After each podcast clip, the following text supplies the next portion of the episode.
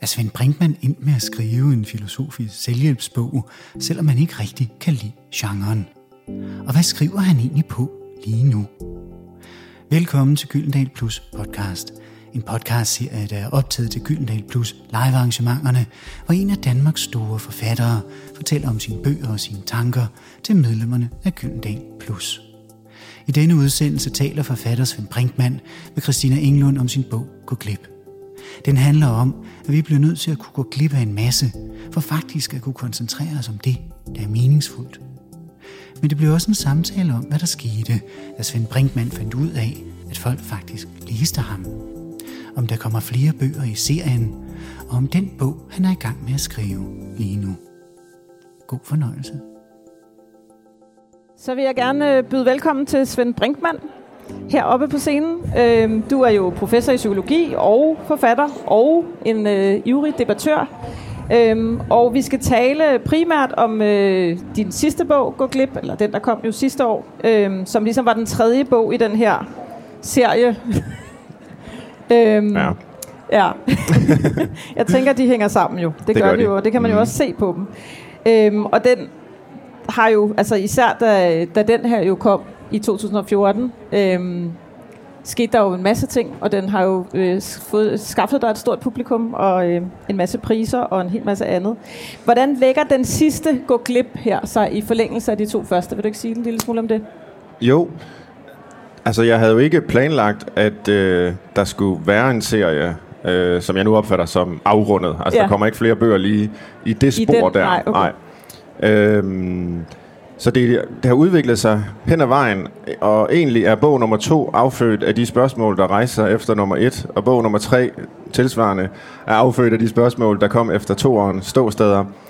Øh, og hvis jeg skal sige det sådan meget enkelt, og det er i hvert fald sådan, jeg selv forsøger at få overblik over, hvad det egentlig er, der er linjen igennem de tre bøger, så handler Stå fast om et samfundsmæssigt problem. Mm. Og det er jo så det, bogen kalder tidens udviklingstvang. Altså tvangen til at være fleksibel, omstillingsparat, innovativ, kreativ, tænke ud af boksen, robust og selvledende, og simpelthen bare have gang i alt muligt i sit liv, for at man er god nok.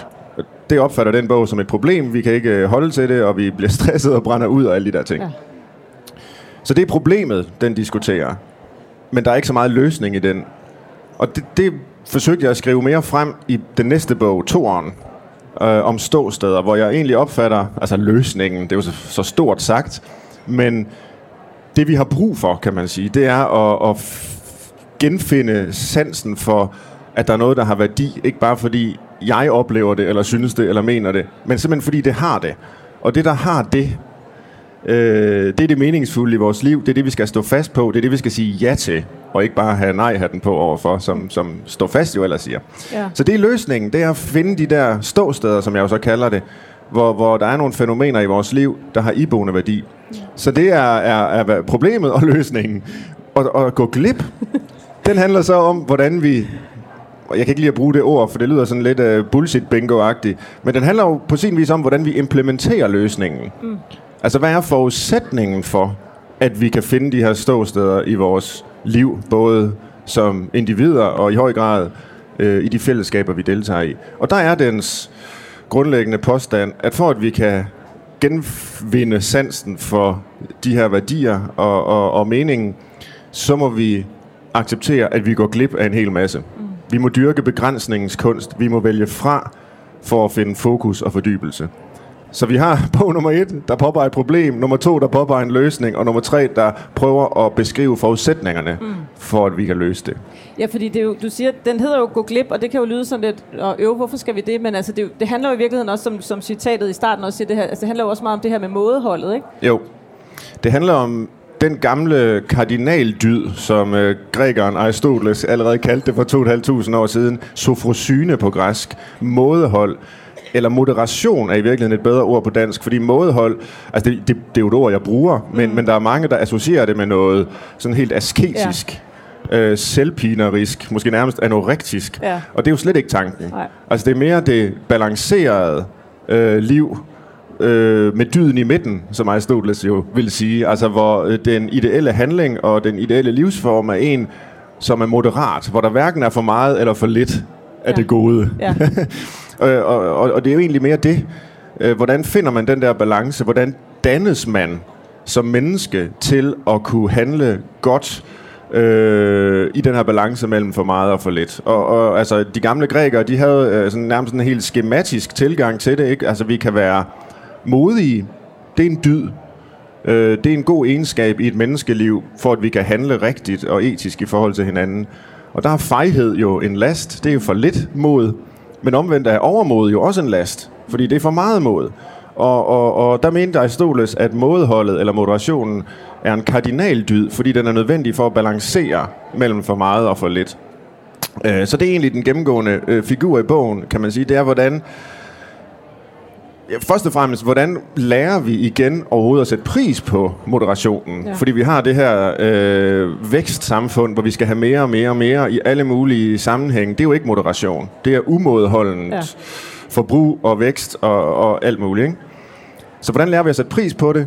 Men også sådan set mere praktisk. Hvordan får vi det så ind i vores tilværelse? Og hvordan undgår vi, at det bliver den enkeltes egen opgave at gå glip Altså, så er det jo bare endnu en byrde, der bliver lagt på individets øh, spinkle skuldre. Øh, og, og, og, og nogle mennesker kan jo selvfølgelig praktisere det mere end andre og bedre end andre, og det, det synes jeg bare er fint. Mm. Men for at det for alvor rykker, så tror jeg, det skal ses mere som en fælles opgave. Vi skal skabe institutioner, organisationer og familier og samfund, der i højere grad øh, bygger på moderation og, jeg får nu at bruge et modeord, bæredygtighed. Ikke? Ja.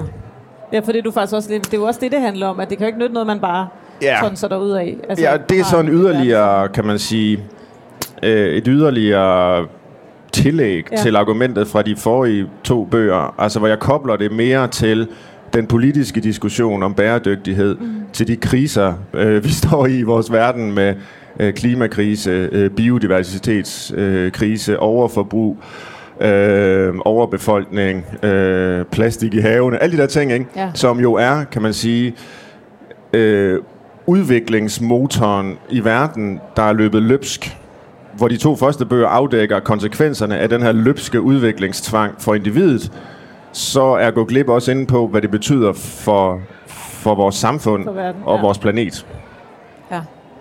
Du har jo været ude øh, med, de, med de her tre bøger i nogle år, og du har været ude og holde en masse foredrag og sådan noget. Øhm, og jeg er sådan lidt nysgerrig, fordi lige præcis det her med, du sagde også, det, det må være, der må være forskellige grader af, hvordan folk kan implementere det her. Altså, hvordan oplever du folk? Kommer de op til dig iklædt øh, nej-hatte, om man så må sige, og ligesom har, ja. har lykkedes med at fordi det var jo lidt et opgør med sådan en selvhjælpsbogskultur, især den første bog, men på en måde vil den jo også gerne, altså du vil også gerne anvise en anden måde, eller hvad skal sige, ja. det, det ironiserer du også lidt over, ikke? Jo. Så, så lykkes det folk faktisk at, at, at efterleve dine, dine syv trin i den første, eller dine råd? Altså det sjove ved de syv trin, det var jo sådan set, at det ikke var meningen, de skulle efterleves. Altså, ja, det er jo paud- en parodi på en selvhjælpsbog, hvor almindelige selvhjælpsbøger handler om, hvordan man udvikler sig til at blive rig, eller lykkelig, eller sund, eller slank, eller hvad det nu er, man gerne vil. Så handler min selvhjælpsbog, som jo er en anti-selvhjælpsbog, ja. om, hvordan man undgår at udvikle sig. Fordi den forsøger at altså, artikulere et sprog for alt det, vi ikke kan forstå i udviklingstermer, men som handler om det, som vi kommer fra, altså øh, vores rødder og traditioner, alt det vi er forpligtet på her og nu, fordi vi eksisterer i en verden, som vi ikke bare skal udvikle os væk fra, men som vi faktisk har ansvar for at handle i. Mm. Øhm, så, så det er jo selvfølgelig med et glimt i øjet, ja. at jeg så formulerer de her meget øh, paradoxale anticellepsråd, altså hold op med at mærke efter ja. i dig selv, og tage nej hatten på, og de der ting. Men folk har jo faktisk fulgt dem.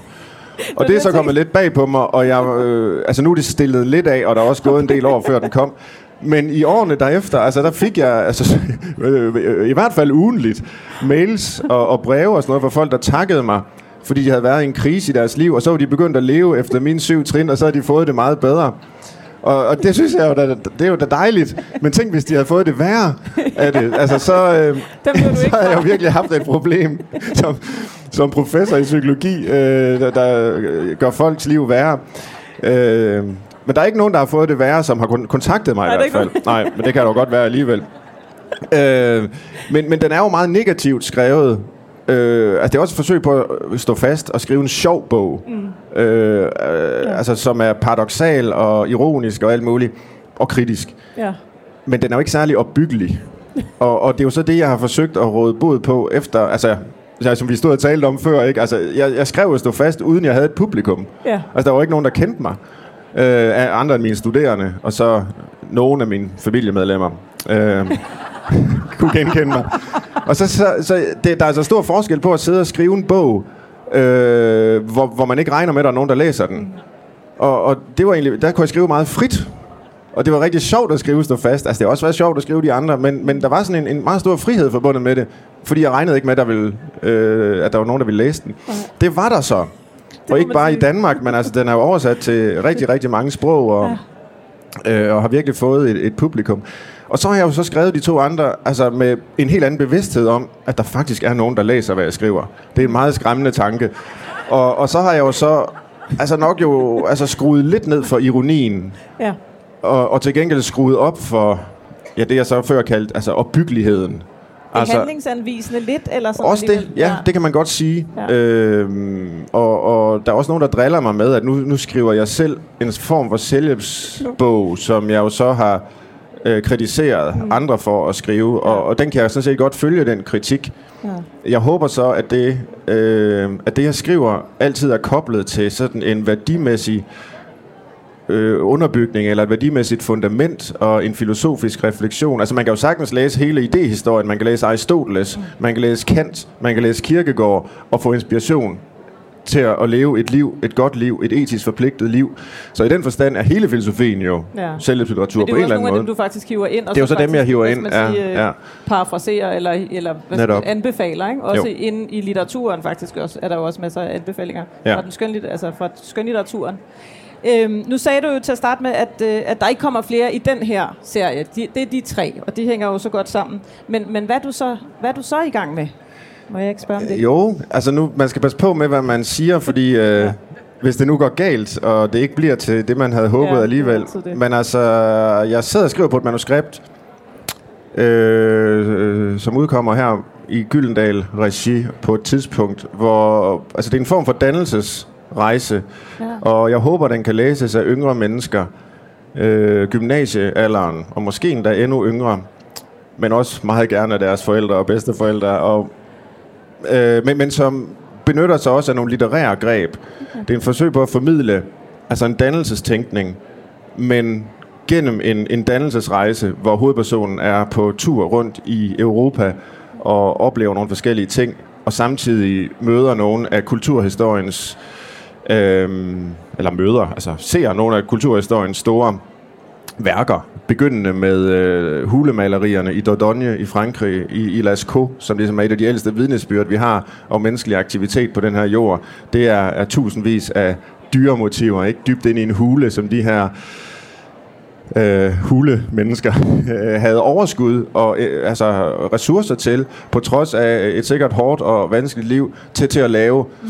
Øhm, og det siger jo noget meget væsentligt om, hvad vi er for nogle væsener, os mennesker, at, øh, at, at vi gør sådan noget. Og det er så det, den her unge øh, mand, som, som er hovedpersonen, altså hvor han gradvist finder ud af, at, øh, at der er simpelthen en helt fantastisk verden uden for ham selv, som han skal på opdagelse i, snarere end at gå og være inde i sit eget hoved hele tiden. Så det lyder som om, det er faktisk også lidt at, at tanken med projektet, er det det, der har fået dig i gang, det her med som du siger, altså at han ligesom skal opdage, at, ja. at der er noget ja. udenfor, ja. ikke bare. Man kan så sige, det den, lægger sig faktisk alligevel ja, jo i forlængelse. Man kan sige, den der øh, fortæller, ja. at det er sådan, det skal ja. være. Ja. Og den her bog, så jeg skriver på nu, forsøger at vise det. Ja. Altså gennem, øh, øh, gennem en historie, simpelthen. Men, men der er også altså sådan en helt klassisk, mere klassiske faglitterære indslag i, øh, i, i bogen, fordi den her unge mand, han læser også undervejs, og man, man kan så læse, hvad han læser. Det lyder som, som et stort læser. projekt. Det ja, det, det er lidt større end, end, ja, ja, end de der bøger der, det som, som du, i omfang. Hvis du starter med hulemalerier, så er der i hvert fald øh, ja. meget, du kan komme igennem. Han er lige nu i Berlin. Okay. Øh, der er jeg kommet til. Han har været i... Ja. Men der er ikke nogen, øh, der er ikke nogen udgivelsesdato endnu. Det lyder som om det er... Ja, det tror jeg, du skal spørge min redaktør ja. om. Men, øh, ja, jeg tør ikke lige at sige det. Du har jo også mange andre projekter, kan man sige. Nu er det lige det, der sådan er i Gyldendal regi, det her, du nævner. Ikke? Fordi jo. Der er jo, du har jo skrevet flere andre bøger. Du har en, en bog om sorg ude også lige nu, ikke? som er jo, aktuel lige. altså man kan sige... Jeg, øh, og det, det, det, forlag. Ja, men, men det har i virkeligheden også meget med det menneskesyn at gøre, som jeg øh, prøver at skrive om i, i de der bøger også. Øh, altså det hænger meget sammen med, at jeg forsker sammen med kolleger i sorg. Ja. Øhm, og, og, og har skrevet en bog om sorg også, der, der udkom i går, øh, som er en mere sige, forsknings... Ja. En bog i en, i en mere klassisk forskningsgenre. Øhm, fordi det, jeg, jeg egentlig er interesseret i, det er de dimensioner af mennesket og af vores liv, som, hvor, hvor, hvor vi er afmægtige. Ja. Altså der er så meget, hvor vi skal være vores egen lykkes smed, og man kan, hvad man vil, og the sky is the limit, og just do it, og alt det her, hvor vi har både en, en, en retorik og en reklameindustri og en coachingindustri og en selvudviklingsindustri og alt muligt, en lykkeindustri, ja. som ligesom tager udgangspunkt i, at mennesket er et væsen, der kan. Mennesket er et væsen med muligheder, og vi skal gribe de muligheder. Vi skal være opportunister og gøre det. Og der synes jeg bare, at sorgen som fænomen viser en helt anden side af det menneskelige, nemlig afmægtigheden. Det viser umuligheden, snarere end muligheden i vores liv. At der også, vi er også defineret ved vores begrænsninger, ved afsavn, ved det vi ikke kan. Ja. Så en af mine yndlingsfilosofer, Simon Critchley, som er en englænder, der arbejder i New York, han, han har sådan en idé om, at sorgen sætter os i en tilstand af radikal umulighed. Og det har vi ikke talt ret meget om i den her lykke, mm. positivitetsfokuserede tid, hvor, hvor mennesket er et væsen, der kan. Men mennesket er altså også et væsen, der ikke kan. Ja. Hvor ikke alt kan fikses. Og, og, og der er det mindste, vi kan gøre, det er at, at, at tale om det noget mere. Øh, så man ikke føler sig helt fortabt, når man øh, står i situationen. Og det kommer vi jo alle sammen til. Ja. Du levner også lidt plads til det, de her, det her med, det er jo ikke alle, der kan flytte sig, eller rykke sig, eller gøre de her ting, eller har ligesom ressourcer eller evner, eller, og det er også det her med ikke at tage, altså, man ikke måske skal tage hele ansvaret for sin egen ulykke på sig. Det kan ja. være, det hænger lidt sammen med det. Ja, og især i gå glip, der, jeg læste en øh, psykoanalytiker, som dem læser jeg altså ikke så tit, men en britisk psykoanalytiker, der hedder øh, øh, Adam Phillips, øh, som har skrevet en rigtig god bog. Altså en af de få bøger, jeg så, jeg så kunne finde om at gå glip. Øh, Missing Out, som det hedder på engelsk hvor han ud fra alle mulige samtaler, han jo har haft med sine øh, klienter og patienter, er nået til den konklusion, at det liv, vi ikke lever, det liv, vi går glip af, er mindst lige så vigtigt for at forstå, hvem vi er, som det liv, vi faktisk lever. Mm. Altså det, vi ikke gør, er lige så vigtigt som det, vi gør. Øh, Sokrates, han sagde jo meget berømt, at det, det ikke undersøgte øh, liv er ikke værd at leve. Altså livet er kun værd at leve, hvis vi undersøger det. Og Philips han vender det så om til at, at sige, øh, det ikke levede liv er værd at undersøge. Altså det liv, vi lever i, i drømmen, i fantasien, i fiktionen, øh, som man måske lidt øh, nedladende kan kalde eskapisme eller sådan et eller andet. Ja. Det er faktisk uhyre vigtigt for os. Øh, det definerer, hvem vi er. I modsætning til hele den eksistentialistiske tradition, ikke? der vil sige, du er, hvad du gør. Ja. Og det er vi måske også, men vi er også, hvad vi ikke gør. Og hvad vi, hvad drømmer, vi drømmer om at ja. gøre. Hvad vi fortryder, at vi ikke gjorde. Hvad vi er glade for, at vi ikke gjorde, og, og så videre. Så vi må godt svælge lidt i, i drømmene også en gang imellem. Helt sikkert. Ja. Jamen, med disse ord, lad os øh, drømme noget mere og svælge lidt i det. Og så er der øh, signering heroppe lige om et øjeblik. Så tak til dig, Svend. Tak selv. Mange tak.